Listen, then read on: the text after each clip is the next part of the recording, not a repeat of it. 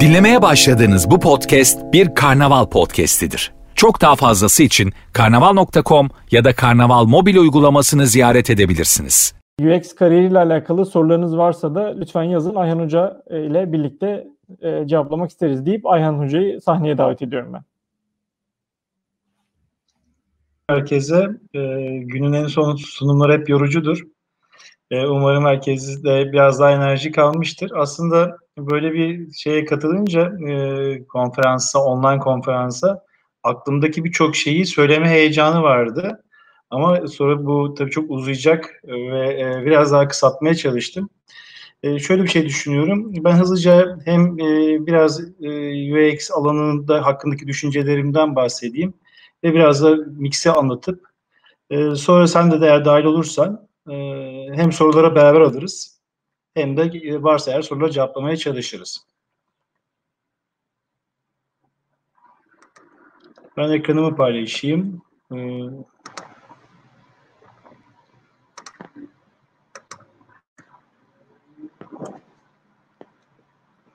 sanıyorum görülüyor ekranım diye düşünüyorum. Bilmiyorum görülüyor mu?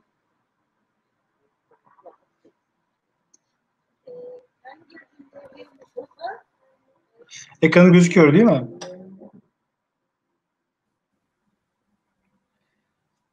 Evet evet gözüküyor.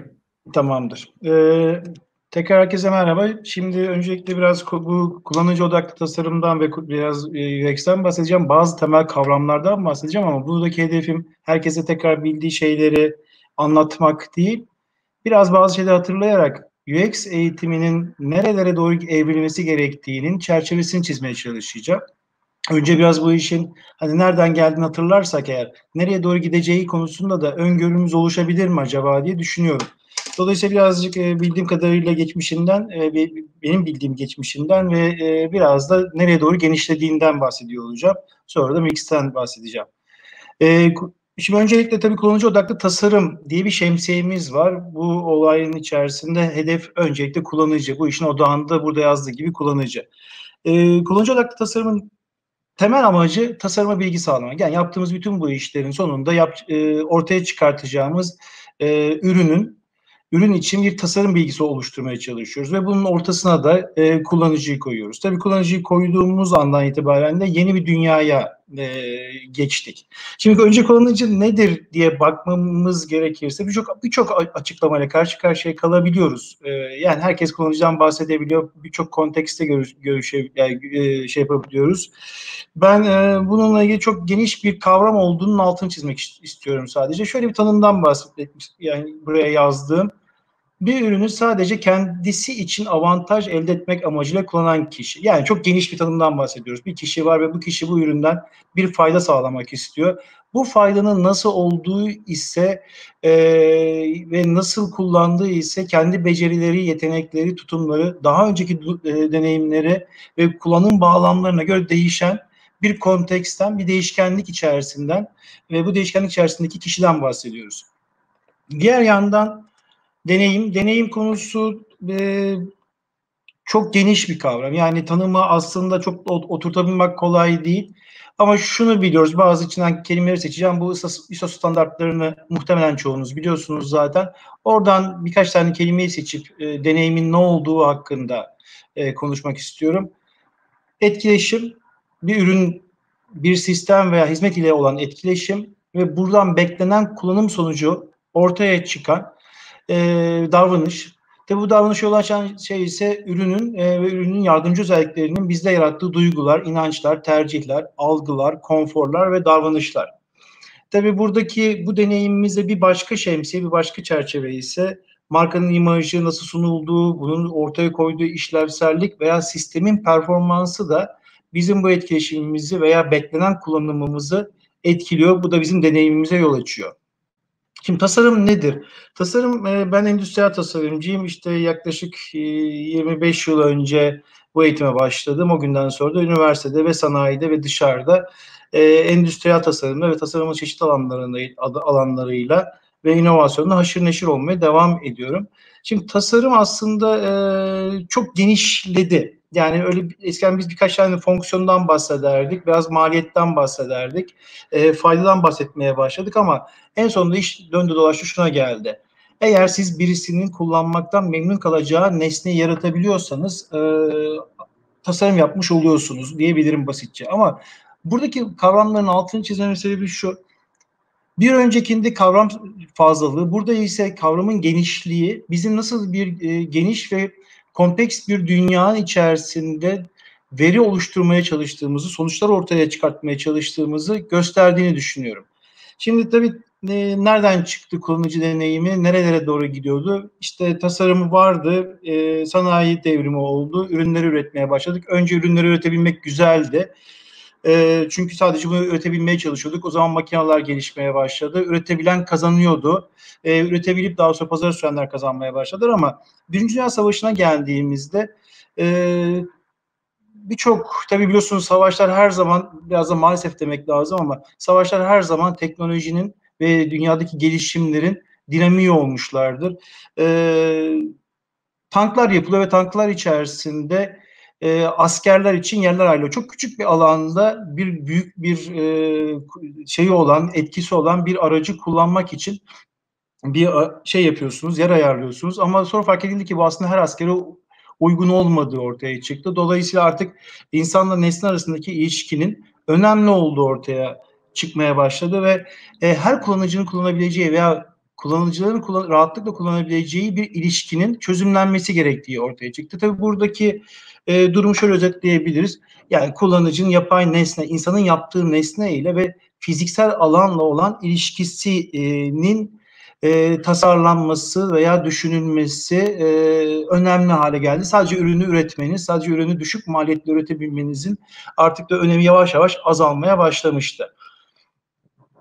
Şimdi bu ilişkin için şöyle bir şey söylemek gerekiyor. Ee, bu ilişkiyi biz şu anda çoğunlukla yani nasıl olduğunu anlamaya çalışıyoruz. Ergonomi çıktığında veya bu e, ölçüleri bulmaya çalıştığımızda insan ölçüleri önemli. İnsanları ölçerek e, ve e, fiziksel özelliklerini bularak nasıl konforlu ürünleri kullanabileceğini bulmaya çalışıyorduk. E, sonrasında ise bu deneyime doğru evrildiğinde artık insanla nesne arasında, ins, e, insanla ya daha doğrusu kullanıcıyla insanın yaptığı nesne arasındaki e, ilişkiyi bulmaya çalışmaya başladık.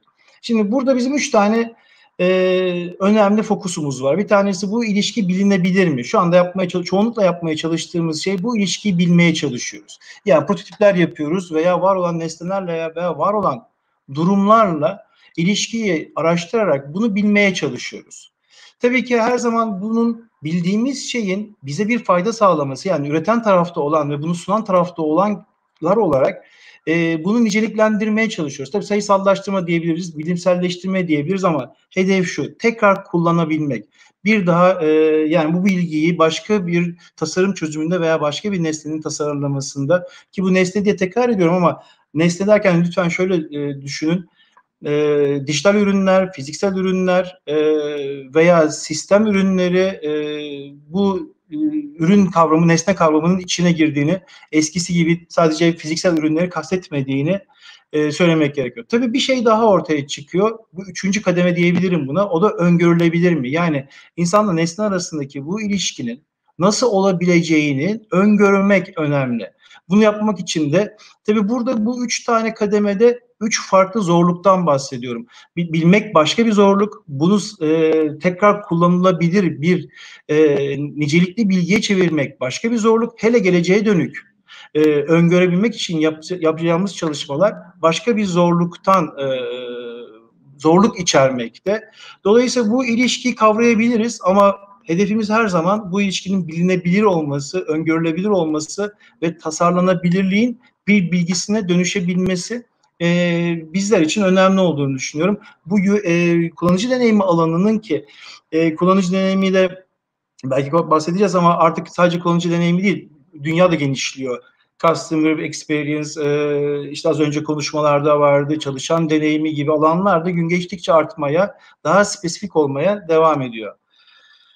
Tabii bu söylediğim işte öngörülebilirlik veya bunun niceliklendirilmesi eskiden ergonominin yaptığı gibi tasarım normları üretmeye çalışıyoruz. Yani elimizde ne kadar fazla norm varsa Tabii bu normlardan bahsettiğim şey e, genel geçer veya hep kabul ettiğimiz doğrular anlamında değil. Bu normlar bize yaptığımız tasarımlardaki hata payını düşüren e, spekler haline gelmesi gerekiyor. Bunların doğru yerlerde kullanılacak kadar da bilgiye sahip olmamız lazım. Yani bu norm nedir ve bu norm nerede kullanılırsa e, bizim için doğru sonucu elde ederiz e, sorusuna da cevap vermesi gerekiyor. Tabii bu normlar ne kadar çoksa ki şey gibi düşünmemek lazım. Hani sonsuza giden bir buluş mümkün değil. Çünkü her sefer bir kere dinamik bir dünyanın içerisindeyiz. Her şey değişiyor. E, zaten bu salgın da hepimize bazı şeylerin çok hızlı değişebileceğini, hele insana dair olanın, deneyime dair olanın ise çok hızlı değişebileceğini çok açıkça gösterdi. Hepimiz şu anda bugünkü de çok konuşuldu. Katıldığım birçok toplantıda da bunu e, konuşuyoruz. Kimsenin e, herhalde şu anda evlerinde iki aydır bilgisayarlar karşısında e, hayatlarını devam ettirdiğini düşünmemiz çok mümkün değildi bundan bir zaman önce. Dolayısıyla er, işte ergonomiden yani ergonominin geçmişinden bugüne doğru gelirken ama hedeflerimizin aslında insanla o zamanlar makineydi insanla nesne arasındaki e, ilişkiyi normlara dönüştürmek, burada bir spesifikasyonlar spektrumu yaratmak olduğunu e, hatırlamak gerekiyor. Yani sonuç itibariyle biz iki tane temel şeye bakıyoruz diyebiliriz. İnsan dedim ama bunu kullanıcı olarak lütfen algılayın. O ki kullanıcının becerilerinden yani kapasitelerinden yararlanmak Aynı zamanda o insanın sınırlamalarının e, olumsuz etkilerinden de kaçınmak istiyoruz. Yani yap- yapamadıklarının olumsuz etkilerinden biz kaçınmak için onları araştırmaya çalışıyoruz. Ee, bir taraftan da şu var, e, değişen gereksinimler, değişen uzmanlıklar. Hepiniz zaten çok iyi biliyorsunuz ki e, Webmaster'la başlayan çok uzun zaman önce değildi. E, herhalde 20 yıl evvel Webmaster'lar vardı, belki 15 yıl evvel de varlardı. Sonra çok hızlı hızlı dönüşmeye başladılar ve kullanıcı deneyimi tasarımcısına doğru evrildik. Şu anda kullanıcı deneyimi tasarımcısı ve bazı alt e, alanlarda uzmanlar ve alt alanlar belirmeye başladı. E, değiş, gereksinimler değişiyor. Dolayısıyla uzmanlıklar değişmeye başlıyor. E, Birçok meslek aslında var olurlar sonra tekrar kaybolurlar. Yeni uzmanlık alanları çıkarlar. E, Birçok araştırma var. E, gelecek dönemde kaybolacak olan meslekler ve yeniden çıkacak olan meslekler. E, Dünya Ekonomik Forumu'nun e, raporlarını takip ederseniz eğer orada gelecek meslekleri ve gelecek e, becerileri hakkında ve bilgileri hakkında oldukça e, önemli ve yönlendirici şeylere, sonuçlara ulaşabilirsiniz. Dolayısıyla bir taraftan da bütün bu e, değişen uzmanlıklar ve değişen gereklilikler içerisinde şuna ihtiyacımız var. Özgün çözümlere. Yani evet biz bir yerlerden çözümleri alıp tasarım alanındaki en çok karşılaştığımız problemler de odur. E, benchmarklarla veya başkalarının yaptıklarına bakarak veya daha önce yapılmışları doğru kabul ederek e, ve kullanıcılarımızı da e, hep aynı sanarak e, çözümlerimizi aslında kalıplaştırıyoruz. Yani eğer kalıplaştırılmış kullanıcılarla e, bir kendimize bunları kalıplaştırırsak sonuçta ortaya çıkacak olan çözümlerimiz de tasarımlarımız da aslında kalıplaşmış ve genelleştirilmiş olacaktır. Ama e, bunu hem dijital sektörlerde hem e, reel sektörlerde çok rahatlıkla söyle, söyleyebilirim ki özgün çözümler çok önemli ve gerekli halde. E, şu anda günümüzde belki birçok firma sadece webde veya aplikasyonlarda var olmayı istiyor olabilir ama çok uzun zaman sonra değil e, hepsi ve herkes e, kendine özgün çözümlere sahip olan ürünler talep ediyor olacaklar. Kullanıcı kısmına gelirsek eğer kullanıcı da değişiyor ve kullanıcıyı çok daha derinlemesine, çok daha farklı e, alanlardan ve bilimlerden beslenerek yeniden metodolojilerimizi oluşturmamız, yeniden araştırma yöntemlerimizi oluşturmamız gerekiyor. E, evet bazı reçeteler var, kullanıyoruz. İşte design sprintler var ama herkes design sprinti kullanmaya başlıyor. Birkaç metot var, herkes metotları kullanmaya başlıyor. Bugün Aras Bilgen söyledi aslında hani öyle genel geçer raporları kullanarak sonuca ulaşacağımızı düşünmek çok da akıl kârı değil. Ee, biraz bu konuda özgünleşmemiz, kullanıcı daha iyi anlamak için daha derinlemesine ve farklı kontekstlerde araştırma yapabilmeyi ve onlara yakınlaşabilmeyi e, becermemiz gerekiyor. Burada saydığım temel dallar dışında birçok başka kontekstlerde de kullanıcıyla e, kullanıcıya yakınlaşmak ve onlarla ilgili araştırma yapmamız gerekiyor. Bir diğer nokta yani kullanıcı deneyiminin geleceğini ve kullanıcı deneyimi alanını ve e, yakın alanları e, şekillendireceğini düşündüğü bir nokta da daha fazla şekillendireceğini düşündüğüm noktada değer yaratmak. E, ben aynı zamanda az önce söyledim inovasyon danışmanlıkları yapıyorum e, ve aynı zamanda iş geliştirme kısmında da çalışıyorum ama şu çok net değer yaratmanız gerekiyor yaptığınız işlerle. UX'in de temel e, dertlerinden bir tanesi bu olacak. Sadece kullanıcı araştırmanız yeterli olmayacak. Sadece kullanıcıyı e, biliyor olmanız yetmeyecek. Aynı zamanda iç süreçlerini ve modellerini de anlamamız gerekecek. E, buradaki metotları kullanıyor olmamız gerekecek. Bizler sadece e, şu çok güzel bir söz var. Bir internette bulduğum bir makaleden e, kesip aldım. E, var olan çözümü çok rahatlıkla koyabilirsiniz. Yani bir feature eklemek bir web sitesine çok kolay ama gerçekten doğru problemi çözüyor musunuz? Bunu söylemek hakikaten zor. Ve birçok örnekte karşılaşıyoruz ki e, iş proje sahipleri veya işin sahipleri de doğru hedefleri tam olarak tanımlayamayabiliyorlar. Dolayısıyla bizlerin bir görevi de veya tasarım yapan e, kullanıcı deneyimi e, uzmanlarının da artık doğru problemleri çözmek için e, araştırma yapabiliyor ve bu konuda bilgi sahibi olmasının önemli olduğunu düşünüyorum. Şimdi biraz e, buradan şeye geleceğim. Onward Search diye bir web sitesinde eğer e, user e, experience diye şey ararsanız, e, iş pozisyon ararsanız Yaklaşık galiba dün itibariyle bakmıştım 29 bin tane pozisyon olduğu çıkıyor ortaya. E, gördüğünüz gibi değişen e, uzmanlıklardan bahsettik. UX de çok hızlı olarak artık kendi alt dallarında yeni alanlar ve yeni uzmanlıklara doğru yelken açtığını görüyoruz. Ve e, her birinin içerisinde farklı yetenekler ve farklı becerilerinde e, kazanılması gerektiği e, ortada. Yani alan oldukça çok geniş, hızlı genişliyor ve kendi alt alanlarını yaratmaya başladı. Böyle bir makale gördüm yine internette. Ee, oradaki tanıma takılı kalmayacağım ama ben şöyle görüyorum. Ee, UX'in altın çağı bitti mi? Kastettiği ben şöyle olduğunu düşünüyorum. Yani artık kolaylıkla UX'çi olmak diye bir dönem kalmayacak. Ee, gerçekten sizin artık UX'çi olmanız için e, ciddi bir e, efor harcamanız, ciddi bir bilgiye ulaşmanız, e, belli tool'lar konusunda uzman olmanız gerekecek. Buradan e, Mix'e gelmek istiyorum. Eğer Mustafa oralardaysa belki onu, o da bana dahil olursa beraber devam ederiz. Aynen, ee, Tamam harika. Ben biraz Mustafa istiyorsan gireyim. Sonra sen de e, lütfen sözü benden arada bir al. E, Mix'i biz e, kurarken yaklaşık bir, yani bir senemiz bitiyor. E, bunun yarısı gerçi korona denk geldi ama e, ilk defa biz Mustafa ile beraber bir lisans düzeyinde doğrudan kullanıcı deneyimi tasarımı üzerine e, bir proje yaptık. E, ben tasarımcıyım ama kullanıcının çok önemli bir inovasyon ve bir artı değer kaynağı olduğunu bildiğim için ve bu konu çok e, her zaman e, yakın çalıştığım için böyle bir programı kurma e, ve e, yaratma arzum her zaman vardı. Ama Mustafa ile karşı karşıya geldiğimizde e, onun da bu arzusuyla birleştik. E, açık ve doğru söylemek gerekirse de e, hem e, Mustafa'nın hem de user sportsunun varlığı bendeki bu cesareti arttırdı. Çünkü akademik bir ortamda e, master programı kurmak bayağı meşakkatli yönleri olabiliyor. E, misyonunuzdan bahsedeyim. E, böyle kısaca aklıma gelenleri sıralamaya çalıştım. E, öncelikle niye böyle bir e, kullanıcı deneyimi master programı akademik ve bilimsel taban gerektiğini düşündüğümüz için e, alanımızda ve Türkiye için bu kadar büyümüş bir sektörde artık akademik ve bilimsel üretimin olması gerektiğini yani bir UX bilgisini, bize özgü bir UX bilgisini üretmek istediğimiz için e, sektör işbirlikleri yapmak istiyoruz. Sektörle de doğrudan iç içe olmak istiyoruz. Profesyonel bir odağımız var. E, aynı zamanda proje ve üretim bazlı bir eğitim programı e, planladık ve böyle yürütüyoruz.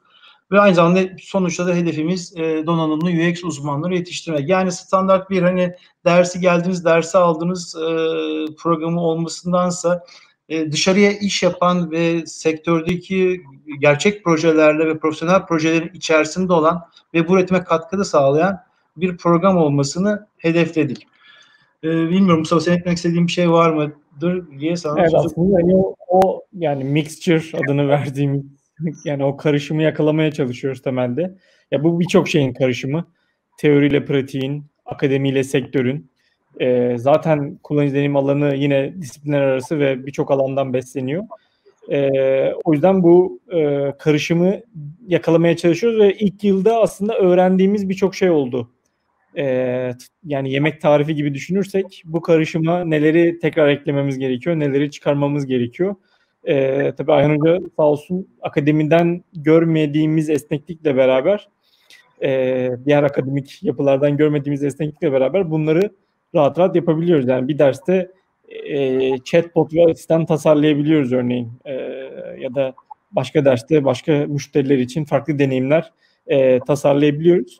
Ben buradan aslında ayrıca size şey sormak istiyorum yani hani inovasyon tarafında bilmesi gerekiyor, iş tarafında bilmesi gerekiyor derken e, tasarımcının bir Robocop'a dönüşmesi durumu var gibi sanki. E, o konuyla alakalı yorumlarınız var mı? Yani e, tamam tasarım temellerini bilsin ama üzerine işte malzemeyi bilsin, arayüzü bilsin, deneyimi bilsin, üzerine iş bilsin, parayla alakalı şeyleri bilsin vesaire deyince biraz fazla yüksel, yükleniyormuşuz gibi e, durabiliyor. Sadece yorum merak ediyorum. Çünkü ben ya böyle bir soru sordum, cevap almıştım da tahmin ederim ama ben öyle olduğunu düşünmüyorum. Çünkü hani e, bazı temel ayaklar var ve bu ayaklar içerisinde e, öğrenmemiz. Çünkü iki tane temel mesele var elimizde.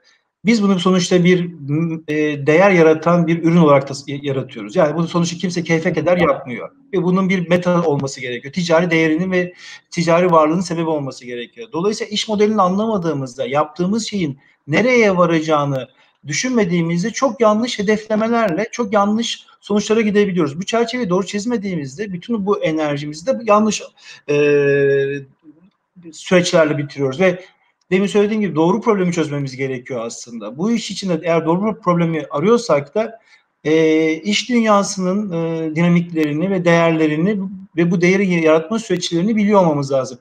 Yaptığımız şeyin değer önermesini biliyor olmamız lazım. Robocop'a dönüyor muyuz? E, ben şöyle düşünüyorum. Mesela ben e, endüstri tasarım tarafında yani ürün tasarımı tarafında Şimdi bizim zamanımızda 3D model yapmak yani e, işte yazılım kullanmak çok değerliydi. Photoshop da öğrenmek çok değerliydi. Çünkü o zamanlar biz öğrenciyken buradan müthiş para kazanılıyordu. Ben şimdi ise öğrenciler bana sorarlarsa vaktinizi buna harcamayın diyorum. Eğer özel bir ilginiz yoksa tabii ki öğrenin, tabii ki becerin ama hani bunun e, kompetan olmanıza gerek yok. Çünkü bunu yapan başka uzman arkadaşlar var. E, siz neresinde yer alacağınıza bakarsanız diye söylüyorum. Mesela ben şu anki tasarım süreçlerimde bu tip işleri outsource ediyorum. Yani herkesin her şey yapmasına gere, gerekli değil ama eğer bir UX tasarım yapıyorsak, yaptığımız iş bir tasarımsa bunun iş modelinde bence birazcık biliyor olmamız gerekiyor. Ee, bir de şey soracağım hocam, tasarımcılarda ne arıyorsunuz? Yani şimdi tabii ticari tarafla akademik tarafı şey yapınca hani yüksek lisans programına gelen arkadaşlar arkadaşlarda biz daha seçici geçirgen oluyoruz açıkçası. Yani birisinin o konuda ilgisinin olduğunu belirtmesi belli noktalarda bizim için yeterli olmuyor ama sizin süzgeçiniz biraz daha kalın gibi. Yani bir kullanıcı deneyimi yüksek lisansına girerken e, insanlardan beklediğiniz bazı şeyler var. Bu aslında bir yandan tasarımcıdan da beklediğiniz şeylerle örtüşüyor gibi. E, biraz tabii örtüşüyor ama tabii iki, iki türlü bir e, durum var. Bizim biliyorsunuz programımız tesis program. E, bu yakınlarda başvurusunu yapacağım herhalde. Umarım Eylül ayında tezisi ortaya çıkacak. Tezisiyle tezisiz arasındaki beklentiler farklı. Burada çok kalın olduğunu düşünmüyorum ama e, şu değil herhalde. Sadece hani merak ettim ben, aa duydum bir yerden çok da hani bu iş büyüyormuş falan diye gelinmesi değil. Gerçekten bu alanda e, belli bir gelişimi hedeflemiş kişilerin olmasını e, açıkçası arzuluyorum ama onun dışında hani e, şeylerimiz sen de katılıyorsun e, bu şeylere, süreçlere. E, çok da kalın olduğunu düşünmüyorum ama biz ne kadar bu alanda e, istekli veya bu alanda temeli oluşturmuş kişilere yüksek lisans programında bir araya getirebilirsek bizim programımızın da çıtasını o denli yukarı çıkartmış oluruz diye düşünüyorum. O yüzden biraz daha yüksek bir çıta var. Var mı arkadaşlar e, aslında kullanıcı deneyimi profesyonelliği ile alakalı ya da yüksek lisansla alakalı e, sorular zamanımızın da sonuna geldik. Hocam bence sizi ben... bir sonrakinde tarafında da bir e, dinlememiz lazım. Şey söyleyeceksiniz galiba. Ya dersleri değil, dersler hakkında da var slide ama aslında ben burada şeyi bahsetmek Hı-hı. istiyorum. E, kadrodan. Yani Hı-hı. bizim e, çünkü çok hoş şey yaptım. Yani çok e, önemli buldum. Bugün hem e, arası dinledik hem Maydecan'ın dedik ve ikisinin konuşmasından son derece memnun kaldım ama ben e, şundan çok memnun oluyorum bir e, akademisyen olarak ve programı e, yaratan kişi olarak yani bu kadar değerli insanı ve sektörler insanı bu programın içerisinde e, dahil etmek benim için çok e, önemliydi. E, sen de biliyorsun başından beri konuşuyoruz. Bunun sadece akademik e, bir atıllık içerisinde olmamasının yaşayan ve üreten ve bir fiil projelerin içinde yer alan bir program olmasını istiyoruz. Hem buradaki bütün hocalarıma teşekkür ediyorum. Siz eğitmen diyorsunuz ama ben hoca diyorum herkese. Ee, dilerdim ki tek tek saymak isterdim ama burada kalırlarsa herkes görecektir. Ee, hepsi çok önemli isimler bulundukları yerlerde. Bugün arası dinledik, Aydın Can'ı dinledik ve ikisiyle de bu kadar eş e, düşündüğümü görünce bir başka mutlu oldum. Ee, uzaktan eğitim mümkün müdür e, demiş aslında ama e, bir arkadaşımız. Bir de dil belgesi isteniyor konusunda evet dil belgesi isteniyor. Ee, ona cevaplayabiliriz. Evren Hocam şey demiş, endüstriyel tasarım veya grafik tasarım bölümü arkadaşlarına lisansta UX nosyonu kazandırmak gerekiyor galiba demiş ki kendisine e, kesinlikle e, katılıyorum. Kesinlikle. Kesinlikle. Geçenlerde bir bir üniversitemizden bir e, genç arkadaşımız ki bölüm galiba birincisi olarak mezun oluyor ve şunu söylüyor ve şu bölüm birincileri neredeyse artık e, tasarımdan mezun olanlar, ürün tasarımından mezun olanlar e, UX'e kayıyorlar ve dediler ki bize UX dersi yok. Ama mezunlarımızın çoğu bu alana kaymaya çalışıyorlar. Bence eksiklik. Yani lisans seviyesinde kullanıcı deneyiminin çok daha güçlendirilmesi hatta birkaç tane tasarım disiplinin altında olması gerekiyor. Evren Hoca'ya katılıyorum bu konuda. E, Nergis Çolak önümüzdeki dönem için tezli program açılacak mı demiş. İnşallah. E, yani farklı biz... sektörlerde öğrencilerin öğrenci deneyiminden bahseder misiniz? Burada aslında öğrenci arkadaşlarımızın e, birkaçının size iletişim bilgisini versek, daha doğrusu onlardan izin alıp onlara sorsanız çok daha iyi olacak. Çünkü yani tabii ki memnun oldukları noktalar ve memnun olmadıkları noktalar var e, birinci yıl itibariyle.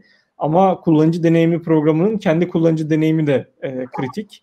E, her yıl e, bu feedbacklerle beraber daha iyiye e, götürme motivasyonumuz ve niyetimiz var. Açıkçası onu söyleyebilirim. Yani ilk sene için oldukça iyi olduğumuzu düşünüyorum. Hele bir daha ikinci dönem korona ile e, karşılaştık. E, ama hani dediği gibi sonuçta bir deneyim yaşıyoruz biz de ve her seferinde daha iyi olacağına eminim. Şey tezli program evet. içinde yani başvurusunu yapmak üzereyim herhalde. Yani tabii bu şey de bilmiyoruz. Ee, YÖK'ün onaylaması gerekiyor bunları. Biliyorsunuz uzun bir, bir süreci var bunun. Ee, korona ile oradaki çalışma düzenini de bilmiyorum. Ee, Eylül'e yetişecektir diye umut ediyorum. Ama yetişmese bile en, en kötü ihtimalle Şubat'ta kesinlikle açılmış olacaktır diye düşünüyorum. Ee, çok teşekkürler Hocam. Çok sağ olun. Ağzınıza sağlık. Dediğim gibi sonrakinde de inovasyon tarafında e, öyle bir konu başlığı çerçevesinde sizi dinlemek isterim. Harika olur. Çok ee, sevinirim ben de. E, Melek Akın'ın son sorusu vardı ama onu gerçekten ayrıca bir şey yapıyoruz. Uzaktan eğitim yok galiba değil mi? Yani şu an YÖK o konuda net değil. Onu değil. E, yani o yüzden e, arkadaşımıza net bir cevap da veremiyoruz ne yazık ki. E, sürekli net değil. Üniversite Melek Akın'ın şu sorusu güzel. Günü onunla bitirelim. Sürekli kullanıcı deneyimi konuşuyorduk uzun bir zamandır ama Design for Stakeholders kullanıcı deneyiminin önüne geçmeye başladı. Bunun hakkında ne düşünüyorsunuz? Bence çok çok güzel bir soru olmuş. Çünkü evet yani kendisinden daha çok işin çıkmasını sağlayacak organizasyonel yapıya biraz fazla takılmış olabiliriz. Ama işin kendisinin kötü çıkmasının önündeki e, yani kötü çıkmasını sağlayan en temel şey o stakeholder'ları doğru zamanda doğru motivasyonla katamamak oluyor.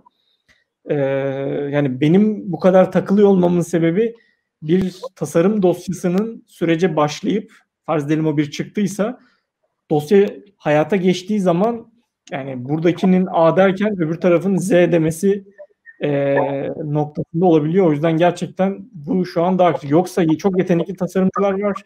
Ülkede çok iyi tasarımcılar var ve onlar e, bir süreci çok iyi kurgulayabiliyorlar, çok iyi tasarlayabiliyorlar ama işte onun hayata geçme süreci kan, ter, gözyaşı, ikna ne o stakeholder'lar demek istiyorum. Ee, yani, diyelim size bitireceğiz. E, Melek'i tanıyorum. Melek bizden mezun. Şimdi Delta Üniversitesi'nde. E, ha, haklı. Ben kendi firma danışmanlıklarımda zaten bunun için ayrı bir süreç ayırıyorum. Yani çok doğru bir yer çünkü az önce belki de bu iş modellerinden ve iş değerlerinden bahsederken e, doğru hedeflemeden bahsederken tabii ki stakeholder'lar olmak zorunda. Bunu ilk girdiğin andan itibaren otomatik olarak bütün stakeholder'larla birlikte temas içine giriyorsun. Bunlar için ayrı yöntemler, ayrı yaklaşımlar var.